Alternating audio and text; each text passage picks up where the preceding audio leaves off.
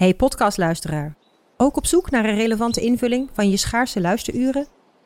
Tune dan in op de podcastserie ESG, even samengevat van BNP Paribas. Wij, Marloes en Aldert, spreken daar duurzame voorlopers en wereldverbeteraars. Waarover dan? Nou, bijvoorbeeld of we ooit duurzaam kunnen gaan vliegen. En waarom koeien in de stad nou een goed idee is? Dat en meer elke twee weken in een nieuwe aflevering. Dus abonneer je. ESG, even samengevat. Al 125 jaar kwaliteit voor jou thuis met Miele. Dat vieren we met jou. Ontvang nu tijdelijk een cashback tot 125 euro op veel Miele-apparatuur. Geniet van de kwaliteit van Miele. Voor perfect verzorgd wasgoed en kleding die veel langer mooi blijft. Voor een stralend schone vaat, even perfect als jouw diners. En een stofvrij thuis waarin echt hygiënisch schoon de standaard is. Check miele.nl voor alle feestelijke aanbiedingen.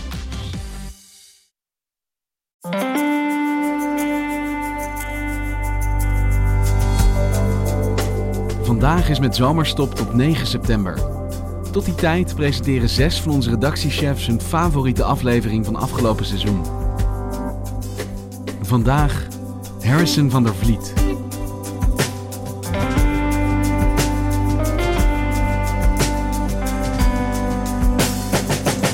Harry, heel fijn dat je hier bent. En ik weet natuurlijk wie ik tegenover me heb. Maar voor de luisteraars, wie ben jij? Ik ben uh, Harrison van der Vliet. Ik ben uh, de chef van de multimedia-redactie uh, van NRC. Ja, dat ben je nu. En na de zomer iets anders? Ja, dat ben ik nu. Ja. En vanaf eind september zit ik in de hoofdredactie. Ben ik adjunct en zal ik me bezighouden met het verder ontwikkelen van audio, van video, van data. En van een heleboel van onze digitale journalistiek. Dus nog steeds met ons gelukkig? Ja, zeker. Want we zijn nu aan het einde van het eerste seizoen, 63 afleveringen verder. Ja. En jij hebt elke dag geluisterd, weet ik. Elke dag. Echt elke dag? Ja, echt elke dag. En je gaat er eentje uitkiezen. Ja. Eentje die jou is opgevallen. Ja, of eigenlijk uh, twee ga ik eruit kiezen. Het tweeluik dat we hebben gemaakt over de genocide in Rwanda. Waarin uh, Koert Lindeyer, onze Afrika-correspondent, al meer dan 35 jaar 25 jaar na die genocide vertelt over wat er daar toen is gebeurd. Over hoe dat heeft kunnen gebeuren. Over wat dat met het land heeft gedaan, met de mensen. En ook vooral wat dat met hem heeft gedaan. Omdat hij daar toen bij was. En uh, dat toen ook allemaal zelf heeft meegemaakt. En daar nu uh, 25 jaar later op terugkijkt. En ik vind het een hele indringende en aangrijpende aflevering, allebei. Die uh, heel erg zijn blijven hangen bij mij, omdat ze een grens hebben weten te beslechten die tekst toch vaak wat moeilijker vindt. En dat is het, het, het emotionele, het persoonlijke uh, element van dit verhaal. En nou, dat is. Uh, ik heb deze aflevering, dat weet nog goed. Ik luisterde hem op mijn fietsje hier naartoe. Dat doe ik altijd. s ochtends. En ik ben uh, s'avonds er nog een keer voor gaan zitten. En toen kwam die eigenlijk nog meer en nog beter binnen. En dan, ja, dan weet je gewoon dat je iets hebt verteld, dat jullie iets hebben gemaakt, wat heel bijzonder is. Dankjewel. Vanaf de redactie van NRC het verhaal van vandaag. Mijn naam is Thomas Ruip.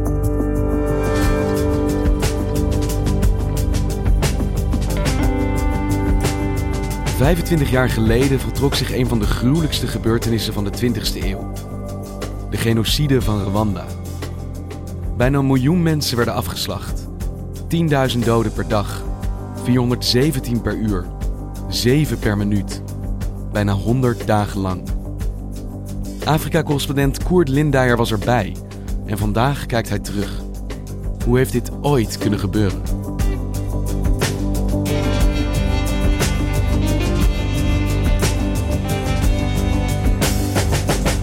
Koert, de genocide in Rwanda die begon op 7 april 1994. En waar was jij toen? In mijn bed in Nairobi. En ik was me aan het voorbereiden voor de verkiezingen in Zuid-Afrika. For all South Africans, an unforgettable occasion. Dat viel precies samen met de genocide in Rwanda. Koert Lindeyer is al 35 jaar Afrika-correspondent voor NRC. Tijdens de genocide in 1994 deed hij in Rwanda verslag voor de kranten en voor de radio. En toen werd ik wakker op die ochtend, terwijl mijn uh, bagage min of meer al gepakt stond, dat er een vliegtuig was neergestort. De presidenten van Burundi en Rwanda zijn gisteren bij een aanslag op hun vliegtuig om het leven gekomen. Hun toestel werd bij de landing op de luchthaven van de Rwandese hoofdstad Kigali door een raket getroffen. Dat was een vliegtuig komend uit uh, Dar es Salaam, Tanzania, waar vredesonderhandelingen waren over Rwanda en waar president Habyarimana, de president van Rwanda, in zat. Maar dat was dus een gigantische klap in een land waar de spanningen al gigantisch waren opgelopen. Tussen de Hutus en de Tutsis.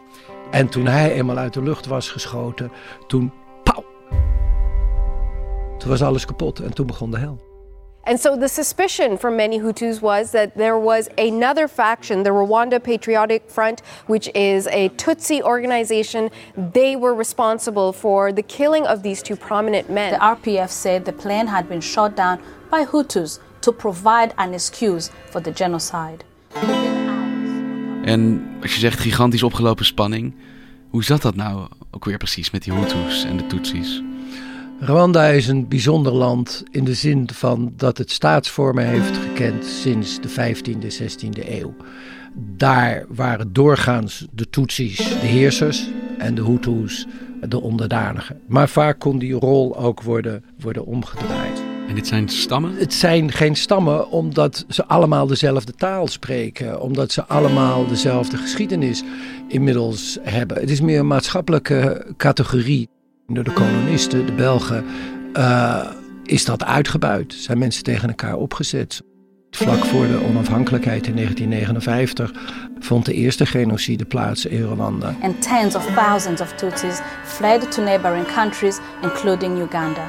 Decades later... In 1986 gebeurde er iets gigantisch belangrijk in Oeganda. Daar kwam een bevrijdingsbeweging aan de macht. Die werd geleid door Yoweri Museveni, de huidige president van Oeganda. Die nam heel veel Tutsis in zijn bevrijdingsbeweging op. Onder wie mensen als Paul Kagame. Uiteindelijk de president van Rwanda tot op de dag van vandaag. En toen die overwinning er was in 1986, toen roken de Tutsis uit de diaspora, in Oeganda in dit geval, die zagen hun kans dat ze terug zouden kunnen keren naar uh, Rwanda. Tutsi refugees in Uganda, supported by some moderate Hutus, formed the Rwandan Patriotic Front, the RPF, led by Paul Kagame, the current president. En dat leidde uiteindelijk in 1991 tot de invasie van Rwanda door het Rwandese Patriotische Front. En de Hutus, dus de meerderheid die Rwanda um, was achtergebleven, die zagen ineens al die Tutsis terugkeren. En die stonden te trillen toen ze terugkwamen. Ja, natuurlijk. Natuurlijk, die wisten dat hun akkertjes, hun jamba's, uh, ingenomen zouden kunnen gaan worden. Die vreesden voor, voor wraak. Bovendien, er waren golven van propaganda over de bevolking heen gegaan dat de Tutsis ook ooit zouden terugkomen. En toen ze terugkwamen, in 1991 en de periode tot de genocide, was het niet zo moeilijk om ze af te schilderen als kakkerlakken, als slangen. Uh, er was een radiostation, Milcolin, Duizend Heuvels.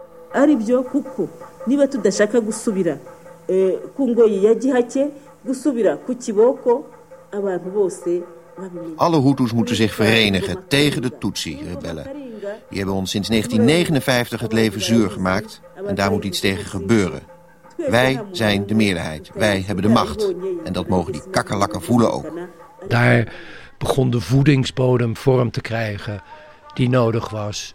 Niet alleen voor een genocide, maar door een massamoord begaan door een massa mensen.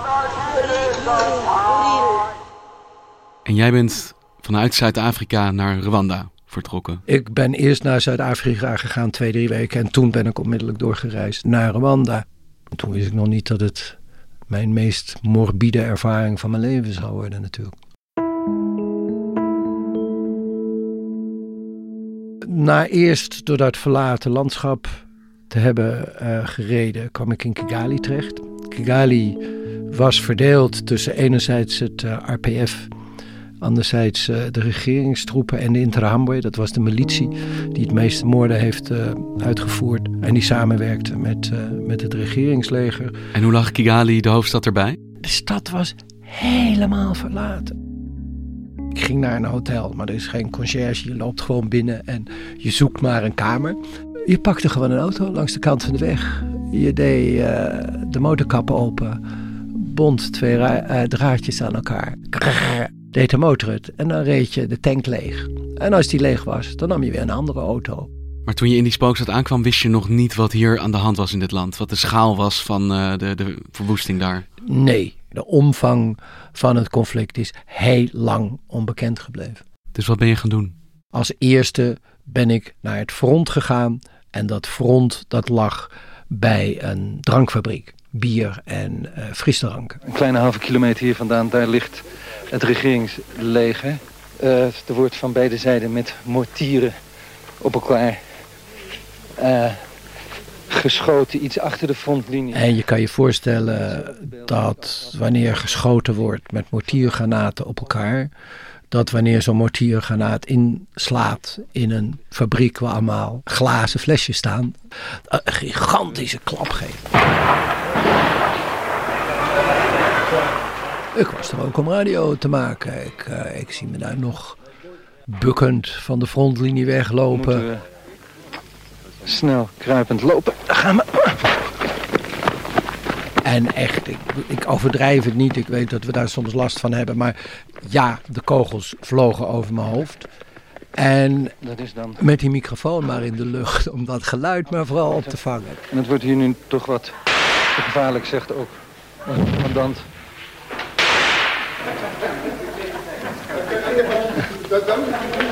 En misschien kunnen we beter, misschien kunnen we toch maar beter hier uh, weglopen. De RPF... Uh, het is vreemd, weet je. We zijn natuurlijk een beetje gestoord als journalisten. Maar je hebt natuurlijk toch als correspondent... Je passie is om over te brengen wat je meemaakt naar je lezer en je luisteraar. Dat zo goed mogelijk te vertellen. En ja, dan ga je deels in een waanwereld leven van die kogels zijn niet voor mij bedoeld. Uh, die kogels zijn voor andere mensen bedoeld en ze zullen mij wel sparen. En jij was aan de frontlinie bij die frisdrankfabriek en daar zie je dus, dus ja, de strijdende partijen. Dus uh, de, de Tutsis tegen het regeringsleger van de Hutus. Maar dat is eigenlijk nog dus een vrij klassieke oorlog met twee partijen. Dat was het, mil, het milde deel van het verhaal, ja. Die frontlinie was het makkelijkste om te verslaan en was ook het makkelijkste conflict om te begrijpen. En de buitenwereld, de Fransen in het bijzonder en ook uh, de Verenigde Naties, die wilden dan ook vrede stichten tussen het regeringsleger en het RPF. Daar ging het helemaal niet om. Het ging op dat moment om een gigantische massaslachting die de plaats vond, uitgevoerd door burgers. Dat was het grote moord, dat was de genocide. Uit Rwanda komen berichten over een bloedbad dat mogelijk het ergste is sinds het uitbreken van de burgeroorlog. They went from town to town, city to city, community to community, just killing and raping and pillaging. It was brutal. They wanted people to De slachtoffers liggen nog overal op straat, waar ze veelal met kapmessen zijn afgeslacht. De dood is overal. Iedereen die je ziet met een wapen in zijn hand, kan je moordenaar zijn. We hoorden een gerucht dat in het plaatsje Nyarubuye, in het oosten van het land, vlakbij de Tanzaniaanse grens, dat daar nog een kerk was vol met slachtoffers waar de media nog niet van wisten en waar ook het RPF niet van wist. Dus we zijn toen samen met het RPF zijn we die richting uitgereden. En toen kwamen we in die kerk in Nyarubuye en um, ja, daar lagen dus drie, vier, vijfduizend stinkende lijken die daar, ik denk drie, vier weken daarvoor, uh, mensen die waren afgeslacht. Ik sta hier alleen in de kerk, uh, bij, de spreek, bij de preekstoel ligt het lijk van een vrouw, waar je de preekstoel moet uh, beklimmen, liggen drie lijken hier achter me liggen er een stuk of dertig, denk ik. En ik heb eigenlijk de behoefte of om over te geven... of om in ieder geval een, een zakdoek voor rond mond te houden. Want het stinkt hier verschrikkelijk. Daar, iets verderop, zie ik een uh, vrouw... waar de moordenaars een grote stok tussen haar benen hebben geduwd. En als ik dan ietsje, ietsje verder loop, dan zie ik daar een, uh, een huisje waar ontzaglijk veel vliegen omheen hangen. En nee, dit is. Uh, dit stinkt te verschrikkelijk. En nou, ik denk een stuk of 15 mensen liggen hier opgestapeld. En een grote purrie bloed stroomt over de stenen dit uh, gebouwtje uit.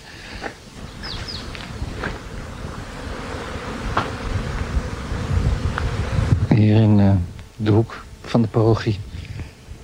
Ik denk dat hier toch snel 200 lijken liggen. Ik denk uh, dat de mensen hier in deze hoek bijeen zijn gedreven. En toen, uh, toen massaal geëxecuteerd zijn. de moordenaars van deze mensen hebben kennelijk geen enkel respect gehad voor menselijk leven. Ja, in die kerk heb ik het werkelijke drama uh, gezien. En de mensen met wie hij was, dus van die Tutsi-militie, hoe reageerden die op dit, deze massale sterfte?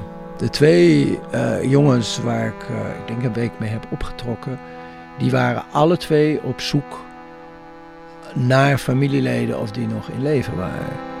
En toen kwamen we met een van die jongens eindelijk in het dorp aan. En het geeft opnieuw aan hoe absurd het was. En toen kwam de jongen waarmee ik op reis was, juichend naar me toe. Hoera, hoera, hoera. Mijn zus leeft. Maar de rest van mijn familie is uitgemoord. Hij heeft in één bericht gehoord dat zijn vader, zijn moeder en zijn broers en zijn zus uh, waren uitgemoord. Maar één zus heeft het overleefd. En daar was hij zo vrolijk over dat hij dat bijna met een lachend gezicht aan me kwam vertellen. En dat was de omstandigheden ook. Je ging ervan uit dit is het einde van alles. Er blijft niets meer over. Geen mens. De wereld blijft niet meer bestaan. En dan blijkt er opeens wel een hekel een beetje hoop te zijn. Want één iemand bestaat nog wel. Maar dat is de context waarin de Rwandezen op dat moment leefden. En in het bijzonder de Tutsis.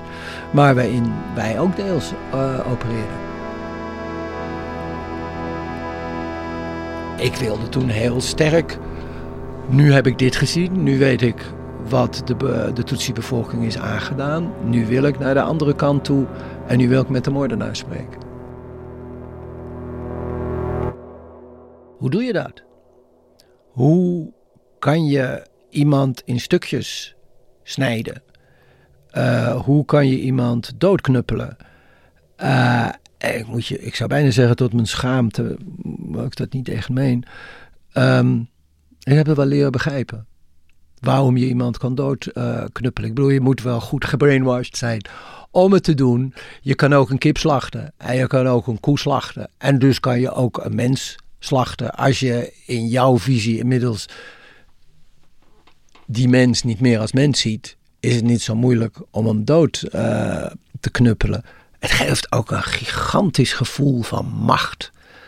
Dat jij in staat bent iemand anders in stukjes te snijden.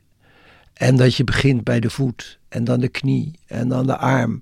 Dat je iemand niet direct afmaakt, maar dat je hem in leven houdt. En dan aan het eind, het einde van het drama, 24 uur later, snij je iemands penis af en die stop je dan in de mond en dan stikt iemand. Maar inmiddels heeft hij al geen armen en benen meer en is hij dus echt uh, tot de romp teruggebracht. Dat, dat geeft een gevoel van macht. En later pratend met mensen die dus inmiddels in de gevangenis zaten en dit gedaan hadden, begreep ik dat wel. Als je met uh, wat we dan noemen de genocidairs spreekt, de mensen die dus nog steeds in de gevangenis zitten, natuurlijk gaven ze altijd als eerste reden: we zijn aangezet door de overheid om dit te doen. Onder de invloed van drank, de competitie. Hoeveel heb jij er vandaag gedood? Tien? Aha, ik zal je laten zien. Ik heb er twintig gedood. Uh, de volledige dehumanisering van je tegenstander. Al die elementen plus de belofte dat jij het stukje land krijgt van, eh, van de man of vrouw die je, eh, die je om, uh, ombrengt. Al die elementen maken het op een gegeven moment mogelijk in elk deel van de wereld, op elke plaats, dat dit soort dingen kunnen plaatsvinden. Eén keer was ik bij een wegversperring en iedereen probeerde natuurlijk te vluchten uit de stad, inclusief uh, de regeringssoldaten. En de regeringssoldaat probeerde te vluchten bij die wegversperring. En toen probeerde een andere soldaat hem tegen te houden, maar hij rende weg. En toen begonnen ze op hem te schieten en hij liep op dat veld. Zigzag hij en ze raakten hem maar niet. En toen struikelde hij bij een heuveltje en toen werd hij uiteindelijk toch in zijn rug geschoten. En toen dacht ik, verdorie, dat is makkelijk om iemand te doden. Toen realiseerde ik me dat er een mechanisme in werking was getreden bij mezelf om me te beschermen tegen deze, deze gruweldaden. En als je er dan uitkomt, ja, dan ben je in de eerste plaats overwerkt. Zoals we dat allemaal wel eens zijn als we op reportage zijn. En als je dan in je slaap voelt dat als je op je rechterzijde gaat liggen, dan druk je een Tutsi dood. En op je linkerzijde een Hutu dan weet je dat je rust moet nemen. Dat is wat je droomde? Dat is wat ik, uh, ja, dromen, nachtmerrie. Ja, ik, ik ging steeds meer op een van, of op een Hutu of op een Tutsi, uh, ging ik liggen. En uh, dan realiseer je dat er iets heel erg fout is. Maar je doodde zelf in je slaap? Ik drukte mensen dood, ja. Ik drukte mensen dood. Ik, ik leef in Nairobi in een uitstekende omgeving. En dan word je, worden je hersenen wel weer gereinigd. Maar je moet je wel bewust zijn wat er met je gebeurd is. dat je dus doden als iets normaals gaat zien. Uh, en zelfs martelen, dat je dat uh, probeert te begrijpen waarom mensen dat doen. In die zin zijn natuurlijk nu 25 jaar later zijn zowel de slachtoffers als de daderslachtoffers. Ik denk niet dat het makkelijk is als je deze moorden hebt begaan. En een deel van de mensen zitten natuurlijk in de gevangenis. Maar heel veel mensen zijn nooit in de gevangenis gekomen. Er waren er zoveel dat er heel veel zijn vrijgelaten. Die zitten allemaal met dat trauma. Waarom heb ik in godsnaam kunnen doen wat ik gedaan heb? Als iedereen het doet, is het niet moeilijk. En misschien voel je je ook wel heel heroïs. Maar de mens is er niet op gemaakt om de andere mensen te vermoorden. Het doet wel degelijk pijn. En um, die pijn die komt later. Dankjewel dat je hier was, uh, Koert. Graag gedaan. Je luisterde naar vandaag, een podcast van NRC. Eén verhaal, elke dag. Dit was het eerste deel van een tweeluik waarin Afrika-correspondent Koert Lindeyer terugkijkt op de genocide in Rwanda. Wil je op de hoogte blijven van al onze afleveringen, abonneer je dan. Dan verschijnen ze vanzelf in je podcast-app. Dit was vandaag, morgen weer.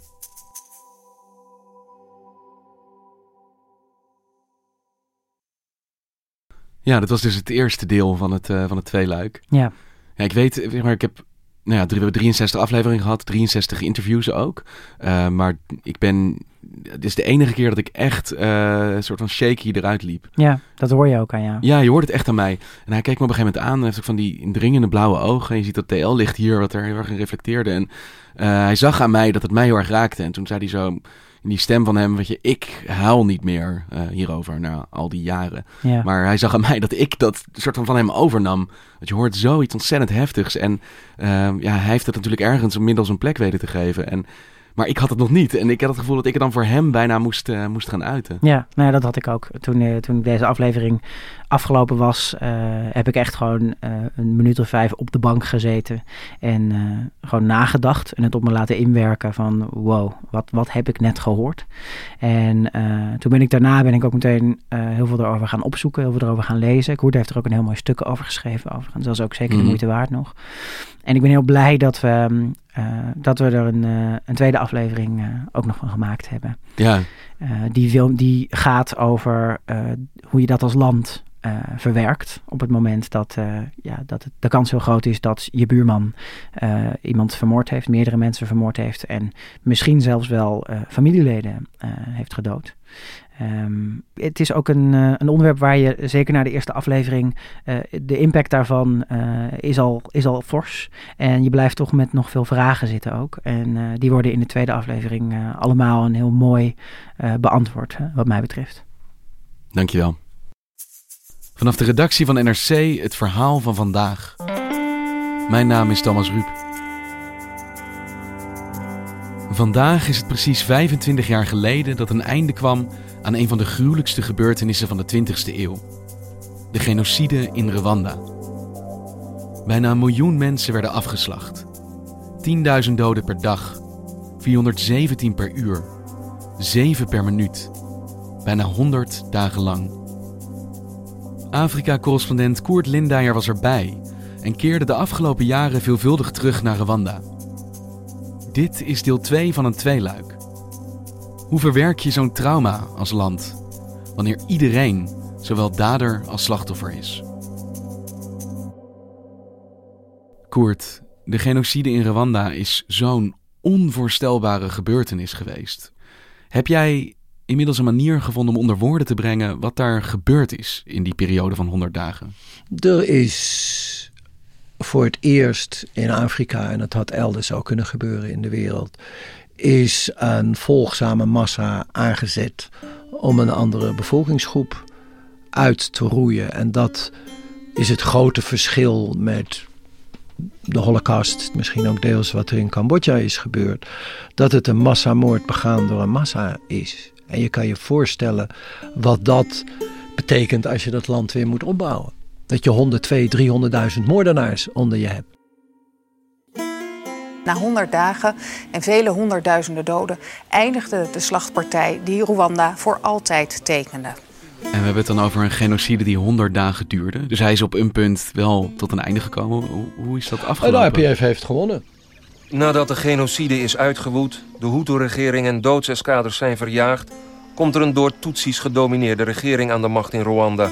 Hoewel Tutsis slechts 15% van de bevolking zijn. Paul Kagame led his Rwandan Patriotic Front to victory over the extremist forces who were carrying out the killings. Het RPF heeft uiteindelijk uh, de regeringstroepen en de Hutu-milities uh, verslagen. Heeft de Hutu-bevolking opdracht gegeven het land te verlaten. Toen zijn er 1 tot 2 miljoen mensen massaal naar uh, Oost-Zaire, nu Oost-Congo, gevlucht. Waar een nieuwe ronde van ellende kwam. Er brak cholera uit. Daar zijn ook weer duizenden doden bijgevallen. Maar dat was dus onder de daders. Althans deels de daders. En toen kwam die hele kettingreactie op gang. En twee jaar later was de oorlog in Congo. En zo is het nog een lange tijd doorgeëtterd. En het begon allemaal bij de genocide. En toen moest dit land weer aan de gang. Moest weer draaiende gemaakt worden. Alles moest echt vanaf het begin worden opgebouwd. Er stond niks meer. Alle, ik bedoel, alle archieven in de rechtbanken waren verdwenen. Alle fabrieken waren kapot gemaakt. Er was niets, niets, niets meer. Gewoon een land naar het nulpunt teruggebracht. Terug naar het nulpunt, uh, zonder, uh, zonder intellectuelen, zonder goed opgeleide uh, mensen. En dat heeft Paul Kagame erg goed gedaan. Tegelijkertijd heeft hij een heel autoritair regime gevestigd. Een heel repressief regime zou je zelfs kunnen zeggen, waar veel kritiek op is. Maar hij heeft een, een land met uh, hoge economische groeicijfers uh, gecreëerd. Dat in Afrika bij heel veel Afrikanen, ondanks de dictatuur, grote bewondering afdwingt. Omdat het begon bij nul. En omdat met een milde dictatuur, zoals het dan wordt omschreven, dat er toch wel heel veel bereikt kan worden in Afrika. In 1994 there was no hope, only darkness. Today, light radiates from this place. Ja, nu, een kwart eeuw later, is het vrede in Rwanda. En om die vrede te bewaren, zet de overheid al jaren in op vergeving en verzoening. Want op welke manier is Rwanda omgegaan met deze genocides? En zijn ze het ooit te boven gekomen als land? Kan dat überhaupt? De gevangenissen zaten vol.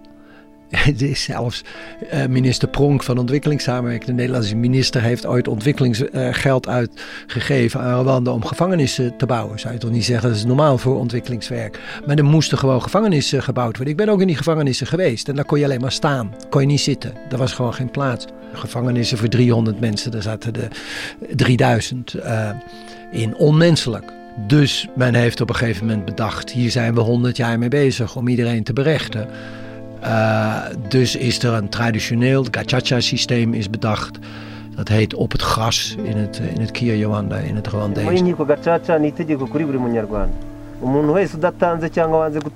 En daar werden vroeger in dorpsvergaderingen werden problemen uitgepraat. En daar werden ook deze problemen dus besproken. A session can only start when 100 adults are present. Decisions are based on consensus and everyone is expected to contribute.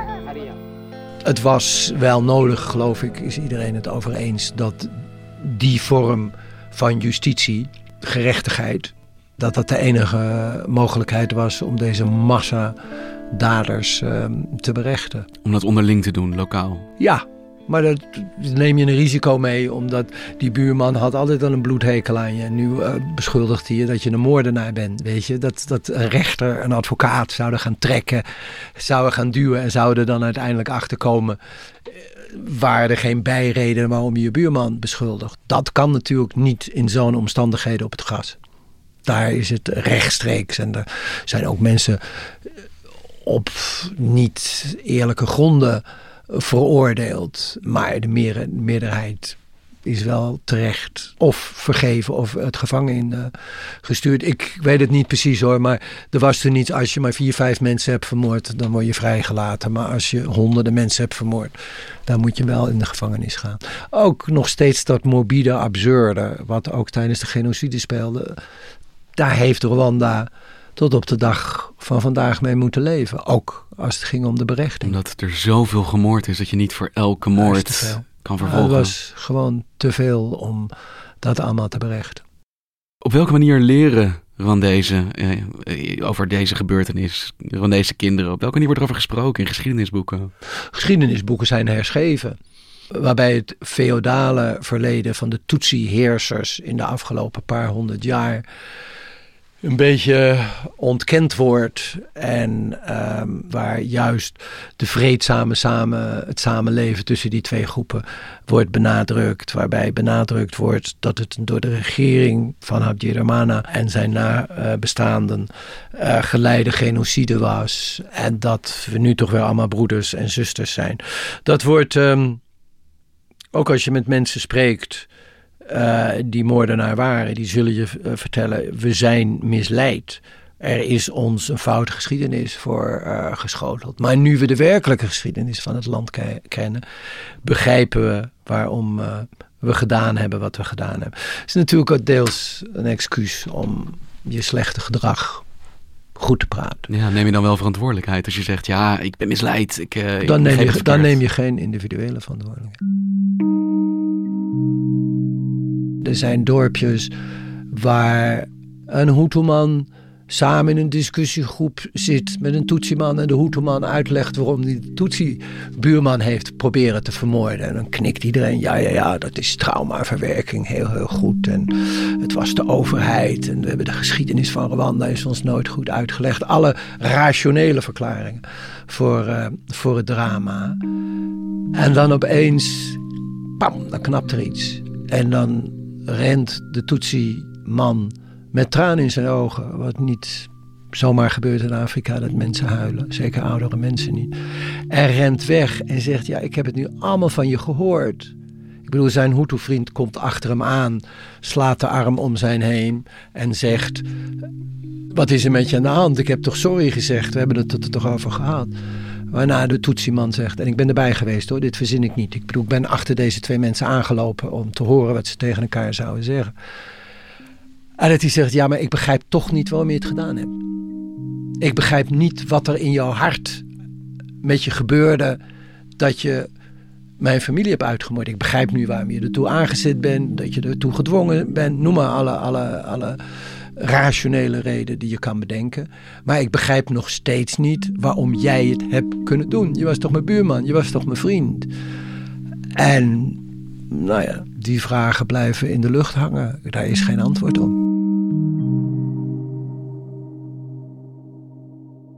En jij bent door de jaren heen teruggegaan naar Rwanda, veelvuldig.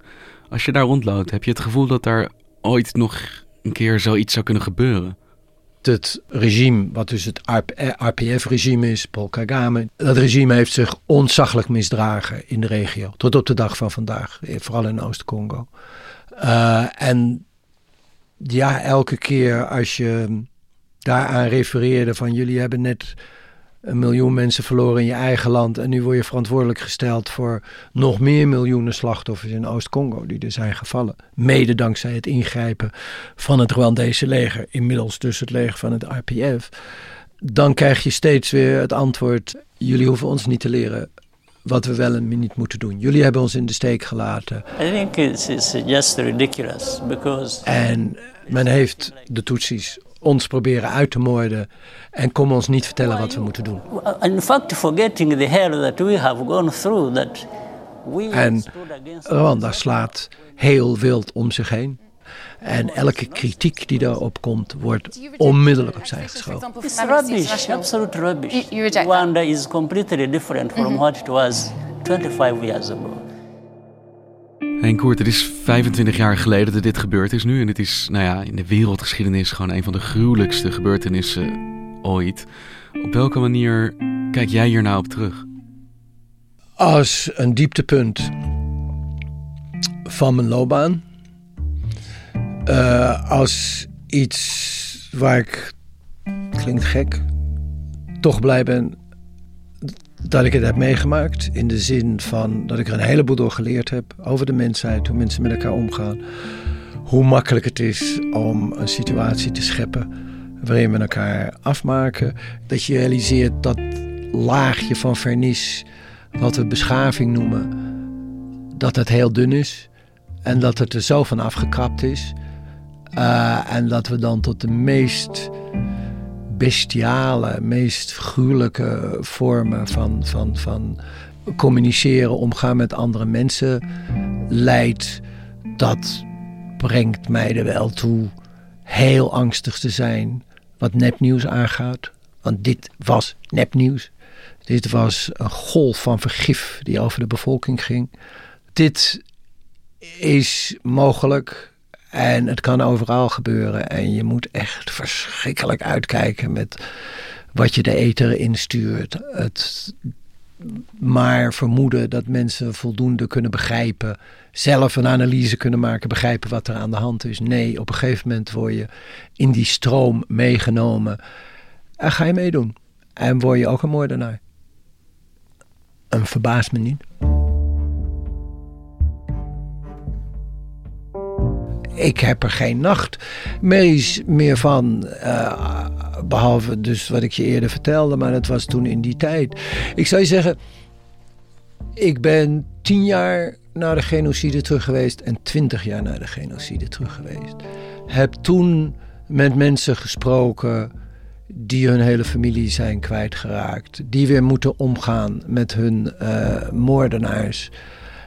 En toen zag ik de kracht van mensen om toch door te gaan. Ik was uh, in het zuiden van Rwanda, zocht een oude Tutsi-meneer op, op een heuvel. En hij had een terras aangebouwd. Want hij zei, um, ja, ik wil, mijn familie is uitgemoord. Hè, de, de graven van zijn 11, 12 familieleden waren achter het huis. En hij zei, ik moet toch weer vrienden zien te maken. En inderdaad kwamen mensen een pilsje bij hem pakken. Maar er waren wel de moordenaars van zijn familie. Die dus niet berecht zijn. En in die situatie verkeren tot op de dag van vandaag heel veel Rwandezen. Mijn buurman heeft mevrouw proberen af te maken. Maar nou ja, we moeten maar verder in het leven. Nou, als je die sterkte, die kracht van mensen tegenkomt wie ben ik dan nog die daar een bezoekje heeft gebracht om te klagen over wat mij, wat mij, is, uh, wat mij is overkomen. Maar deze meneer die zei, ik kan het niet tegen alle heuvels opnemen. Ik kan niet alle mensen die mijn familie hebben proberen uit te moorden of daarin geslaagd zijn, daar kan ik het niet tegen, tegen opnemen. Dankjewel, Koert.